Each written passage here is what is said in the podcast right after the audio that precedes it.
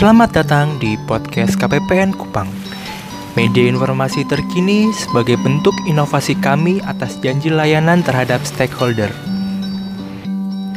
Berdasarkan surat nomor S309 garing WPB titik 24 garing KP titik 01 garing 2019 tanggal 23 Juli 2019 tentang perpanjangan waktu penihilan sebagian uang persediaan satuan kerja dalam rangka implementasi KKP atau Kartu Kredit Pemerintah.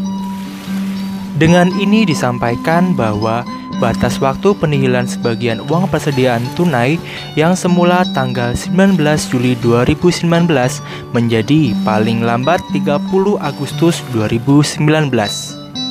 Yang perlu diperhatikan bahwa yang disetor atau dinihilkan adalah sebagian bukan seluruh dari uang persediaan tunai satuan kerja.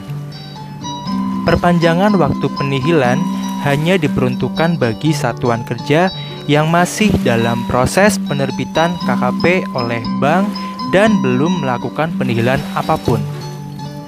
Sebagian uang persediaan yang wajib dinihilkan sesuai dengan ketentuan adalah 40% dari seluruh jumlah UP atau apabila porsi tunai UP yang dibutuhkan satuan kerja lebih besar atau lebih kecil dari ketentuan, maka diharapkan satuan kerja untuk mengajukan dispensasi ke kantor wilayah Dijen Perbendaraan Provinsi Nusa Tenggara Timur dan menihilkannya sesuai jumlah porsi UP KKP yang telah disetujui.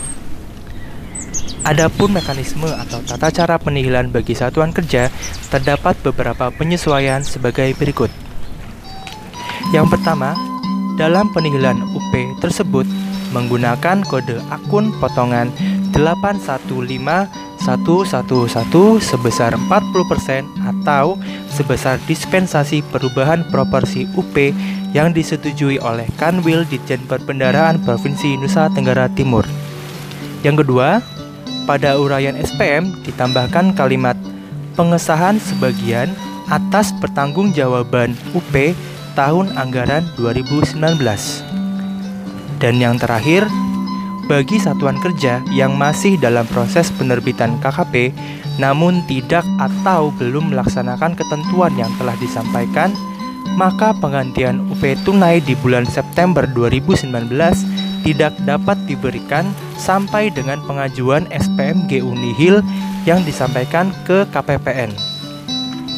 Selanjutnya, setelah melakukan penihilan sebagian UP, Satuan Kerja diwajibkan untuk segera mengajukan permohonan persetujuan besaran UP KKP ke KPPN paling lambat 10 hari kerja setelah dilakukan penihilan tersebut. Apabila membutuhkan informasi lebih lanjut, silakan menghubungi customer service KPPN Kupang. Demikian informasi yang dapat kami sampaikan pada episode pertama podcast kami. Atas perhatian dan kerjasamanya, kami ucapkan terima kasih. KPPN Kupang, besong puas, ketong senang.